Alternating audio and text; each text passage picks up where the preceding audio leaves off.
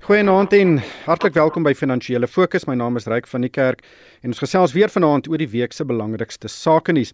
My gaste is uh, in Johannesburg, Riana de Lange, sy's 'n senior sakeverslaggewer by Rapport. Goeienaand Riana. Goeienaand Ryk. En uit die Kaap gesels Jaco van Tonder. Hy is die hoof van adviesdienste by Investec Batebestuur. Goeienaand Jaco. Goeienaand Ryk, goeienaand Riana. Riana, ek wil begin by die Reserwebank. Uh, ons het gehoor dat rentekoerse onveranderd gelaat is uh, deur die monetêre beleidskomitee en dit was op sigself nie 'n groot verrassing nie.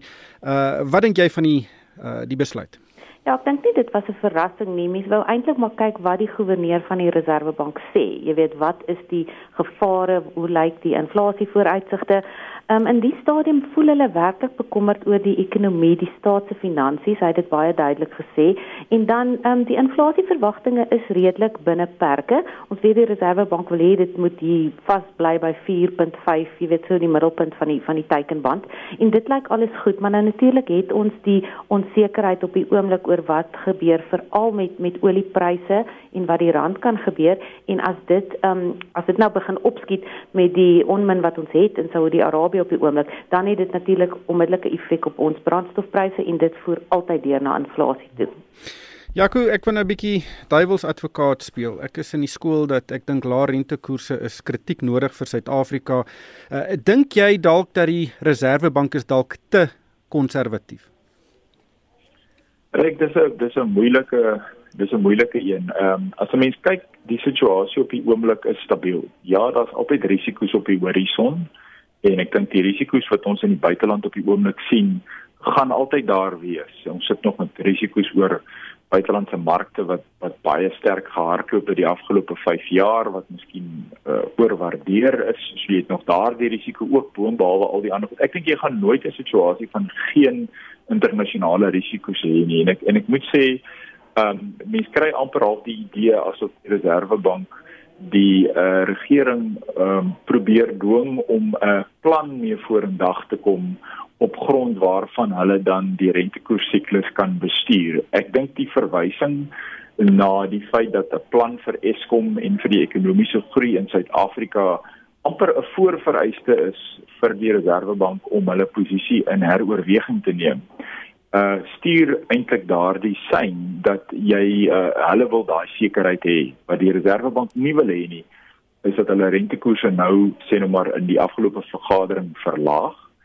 En dan by die einde Oktober wanneer ons natuurlik nou meer in Beweni se se volgende verslag verwag uh in die in die uh interbegroting kom daar dan verrassings uit uh oor hoe ons Eskom gaan befonds of hoe ons uh ekonomiese groei vooruitskattinge lyk en en ander ekonomiese inspuitingsprojekte wat dalk nie gebeur nie wat almal hoop gaan gebeur en ewe skielik uh, as jy dan terugkyk dan is daardie rentekoersverlaging in retrospek 'n fout gewees. So ek ek kry die idee jy jy het regtig daardie twee partye wat nou teen mekaar uh hierdie hele situasie afspeel. Ja, kyk, daar's geleentheidskoste weerskante toe, maar uh, die prima uitleenkoers op die oomblik is 10%. Die inflasiekoers volgens Statistiek Suid-Afrika is 4,3% en dit gee vir jou 'n reële koers van 5,7% wat histories baie hoog is. Ehm um, korrek. En hoe hoe moet mense dit in daai perspektief sien? Is is die konservatisme is dit geregverdig in daai konteks?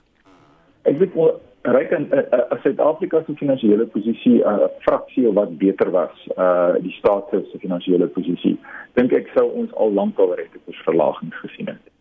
Um uh, ek stem met jou saam met 5.7% reële koers is is is by rekordvlakke en en is verantwoordelik vir die feit dat ons soveel geld ook in die in die uh, waterbestuursindustrie op die oomblik sien vloei na vaste rente instrumente toe want jy kry 'n uitstekende opbrengs op vaste rente. Die situasie is nie is nie op die langtermyn volhoubaar nie. En ek dink mense kan nou argumenteer met hulle die koerse nou sny of moet hulle by die volgende vergadering sny, maar maar ek stem met jou saam, rentekoerse moet gesny word. Ehm um, en en ek dink dit is regtig waar 'n politieke spel wat ons hier sien afspeel tussen die tussen die Reservebank en die regering. Riana, eh, die eh, president van die Reservebank Letsetja Kanyago het ook gesê hulle verwag groei van 0,6% ekonomiese groei van 0,6% in 2019 en dan is die vooruitsigte vir groei aanstaande jaar van 1,8% tot 1,5% verlaag en in 2021 van 2% tot 1,8%. Uh wat dink jy uh, van die verwagtinge vir groei aanstaande jaar en 2021 want dit lyk ambisieus van wat ons tans in die ekonomie sien? Maar kyk, dit is hoe ons eintlik elke jaar begin. Jy weet dan mense sê ons gaan uh, 2% groei kry en dan soos die jaar aangaan en ons begin die syfers sien, word dit telkens word die groeikoers verlaag. Jy weet die verwagtinge word verlaag. En ek bedoel as ons nou hierdie jaar weer so ver onder 1% inkom, dan is dit net verder deel van daai uh, ons is amper in 'n stryk, jy weet 'n valstryk noem ekonome dit van van swak ekonomiese groei. En as jy daarna kyk dan dan is daar nie vooruitsig vir werkskepping nie. Daar's nie vooruitsig vir uh, enige kapitale, vaste kapitale beleggings nie. En dit maak nie dat ons nie uit hierdie hierdie valstryk kan uitkom nie. En jy weet as jy as jy daarna kyk dan um, word ons nog steeds as Suid-Afrikaners al armer want die bevolking groei ten veel meer as wat die um, ekonomie groei en ek ek sien nie enige vooruitsig nie en dit is eintlik dit krap mense eintlik om dat jy elke keer sien maar dit word verlaag, dit word verlaag. Die groeikoers is ook deur die internasionale monetaire fonds ehm um, verlaag. Jy weet so dis nie net ons hier wat dit sê nie, almal sien dit. Jaco, dis amper vir my soos 'n 'n Excel sakeplan. Uh, ek het nog nooit 'n sakeplan gesien op Excel wat 'n verlies toon nie. Uh, maar in die praktyk lyk dit altyd baie anders.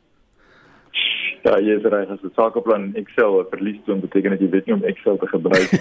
ja. Ehm um, die die ek ek moet sê ek, ek mense moet versigtig wees om te negatief te wees en ek mense kan oor optimisties wees of oor pessimisties.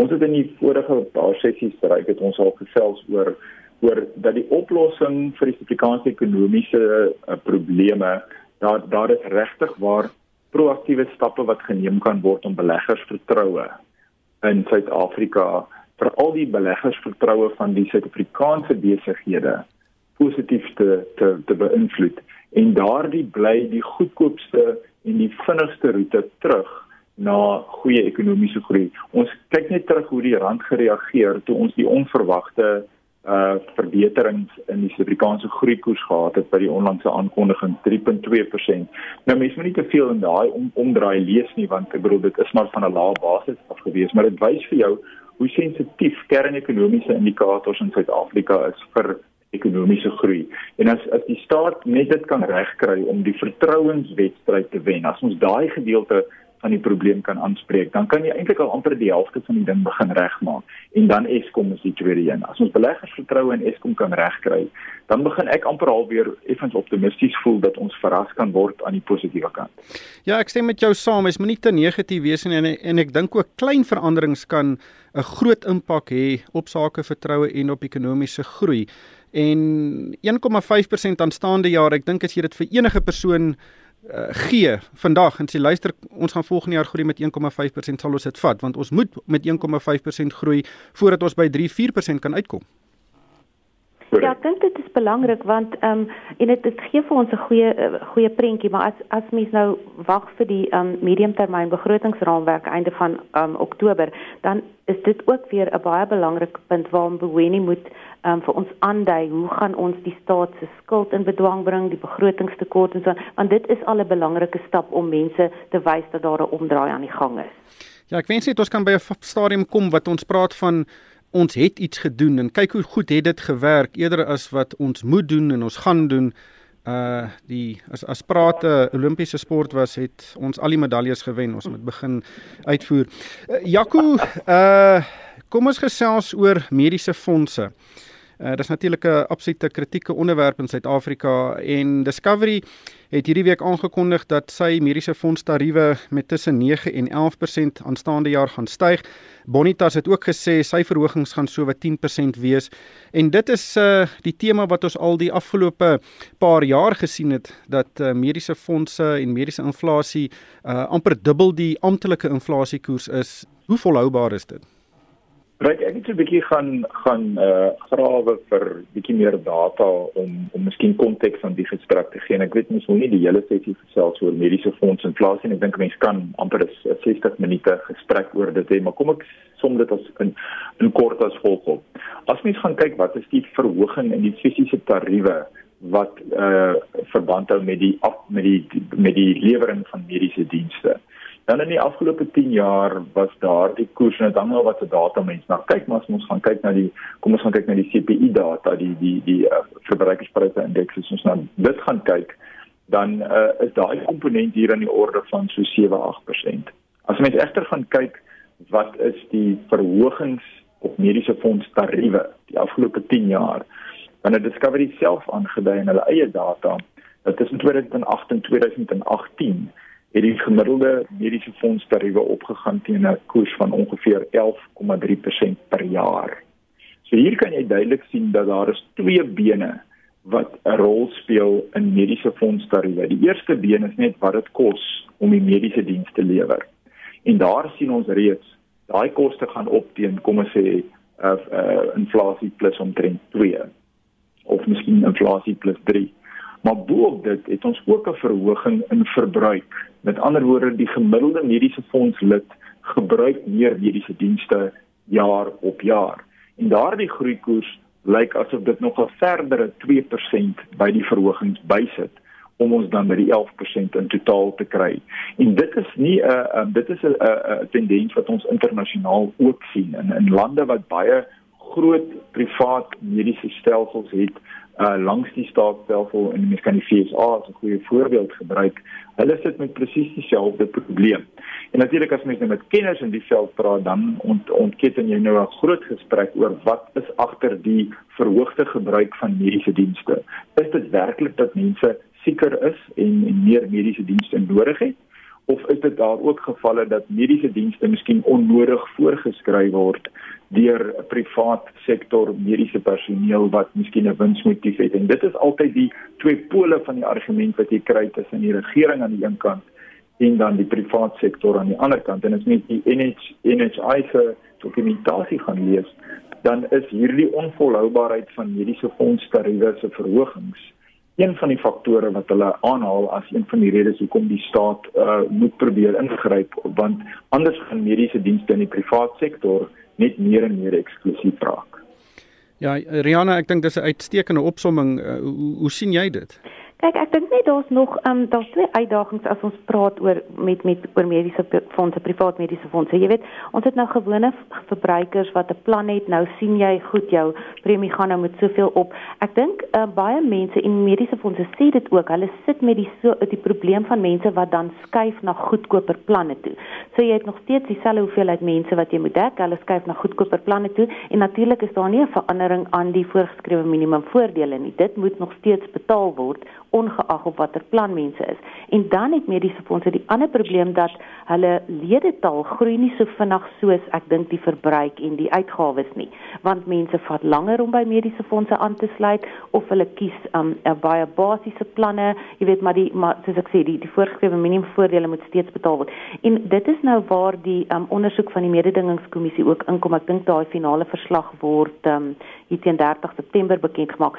Wat moet gebeur in die private mediese sorgbedryf? Jy weet so dit raak die finansiers, dit raak die lede, dit raak die private diensverskaffers, maar die situasie is onvolhoubaar, maar ek voel net die gaping wat ons het op die oomblik tussen private mediese sorg en dit wat die staat kan bied en hoe om dit bymekaar te bring is 'n dis 'n tamaletjie.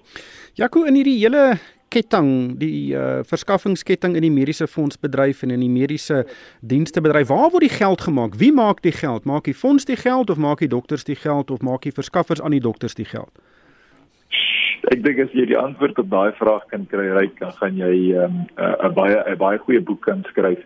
Ja, dit is ehm um, die vingers word na alle kante toe gewys. Uh as mens praat uh met die mense wat probeer om die bekostigbaarheid van mediese fondse te bestuur en veral die mediese fondse sal hulle baie vir jou sê dat daar is heelwat wanbestuur van mediese dienste uh weet uh lewering van dienste wat onnodig is, bedrae wat gevra word wat ver bo die die minimum uh of die die mediese fonds aanbevole tariewe is.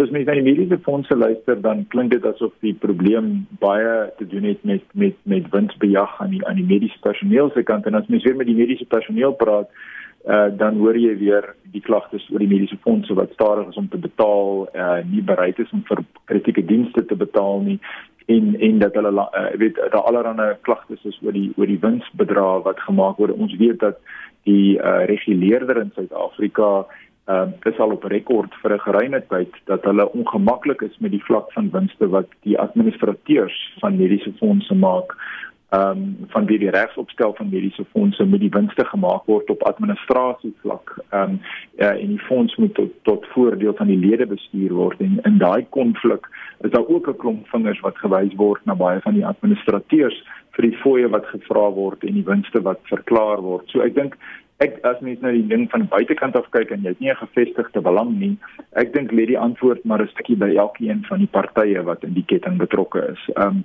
daar's hier is nie net een antwoord nie en ek dink dit is ook hoekom meneer Michelletti so sterk daarop gestaan het dat die Suid-Afrikaanse uh, gesondheidstelsel regtig waar ordentlik weer van vooraf na gekyk moet word want ehm um, die huidige traject is net nie volhoubaar nie. En verbruikers is dit maar die die wet van Transvaal Uh Jaco net laastens Blue Label uh het natuurlik uh so 'n paar jaar gelede uh, amper 6 miljard rand belê in Cell C. Uh, Suid-Afrika se derde selfoonnetwerk. Hulle het hierdie week basies daai hele belegging afgeskryf. Cell C is kniediep in die moeilikheid. Uh wat maak jy van hierdie hele storie? Dis uh dis nie 'n nuwe probleem nie, Ryk. Ek dink uh C se se probleme en en finansiële probleme en hulle samewerkingsooreenkomste met NTN sal 'n geruime tyd in die in die uh, telekoms nuus en um, en en die uh, ek dink mense wat naby in die industrie beweeg of jy sê dat daar al geruime tyd uh, groot vraagtekens is of of selfs hier van die grond af gaan kom. Ek dink die groot probleem bly dat die Suid-Afrikaanse mark is, is redelik versadig. So die groei in selfoonverbruikers in Suid-Afrika het afgeplat as mens na al die die die die leidende aanwysers kyk. En dit het vir daardie rede dat van die uh, prima uh, kompetisie van Celsius soos byvoorbeeld MTN en Vodacom heelwat besigheid in die res van Afrika begin doen het want dit is waar die groei is. Celsius is 'n besigheid wat nie regtig waar uh, hulle eie infrastruktuur besit nie wat in Suid-Afrika opereer en ek dink ehm um, wat miskien een of twee besluite geneem het wat in retrospek nie die regte besluite was op die manier hoe hulle die besigheid befonds en die infrastruktuur uh, besluite wat hulle geneem het om sekere van hulle uh, komponente in hulle selfoon netwerk uh, op ooreenkomste te huur eerder as om dit fisies aan te koop nie. En en nou vind hulle hulle self in daai posisie dat uh, dat dit is bitter moeilik om uit te kom waar hulle nou is. Ek dink wat wat Blue Label eintlik maar gedoen het is om te probeer om om aandeelhouers se verwagtinge te bestuur. So ek dink nie mense moet uh, Blue Label se afskryf van die belegging in Celsius na zero te sien as as noodgedwonge die einde van Celsius nie. Ek dink wat hulle eintlik maar sê is die waarskynlikhede is heel moontlik 50-50 en as gevolg van die pyn wat Blue Label aandeelhouers tot dusver op veral die Celsius transaksie geloop het, dink ek is die bestuur van Blue Label nou super konservatief en hulle sê kom ons begin eerder van 0 af. En enigiets wat ons dan van hier af uit Celsius uit kry uh sien ons dan as 'n positiewe inspuiting vir vir ons opbrengste in die toekoms. Um so jy het 'n bietjie van 'n aandeelhoudingsbestuurstrategie aan die een kant, maar aan die ander kant dink ek is daar geen misverstand oor die feit dat ek dink Celsius uh het het wesenlike operasionele en finansiële probleme wat die nuwe bestuur sal moet aanspreek. En daar is definitief planne oor herstrukturering aan die gang. Uh en ons gaan moet kyk hoe dit hoe dit gaan afspeel. Baie dankie Jaco, uh, maar ongelukkig het die tyd ons ingehaal. Baie dankie aan Riana De Lange, sy's 'n senior verslaggewer by Rapport en ook Jaco van Tonder, hy's hoof van adviesdienste by Investec Batebestuur. En van myself Ryk van die Kerk, dankie vir die saamluister en ek hoop almal het 'n winsgewende week.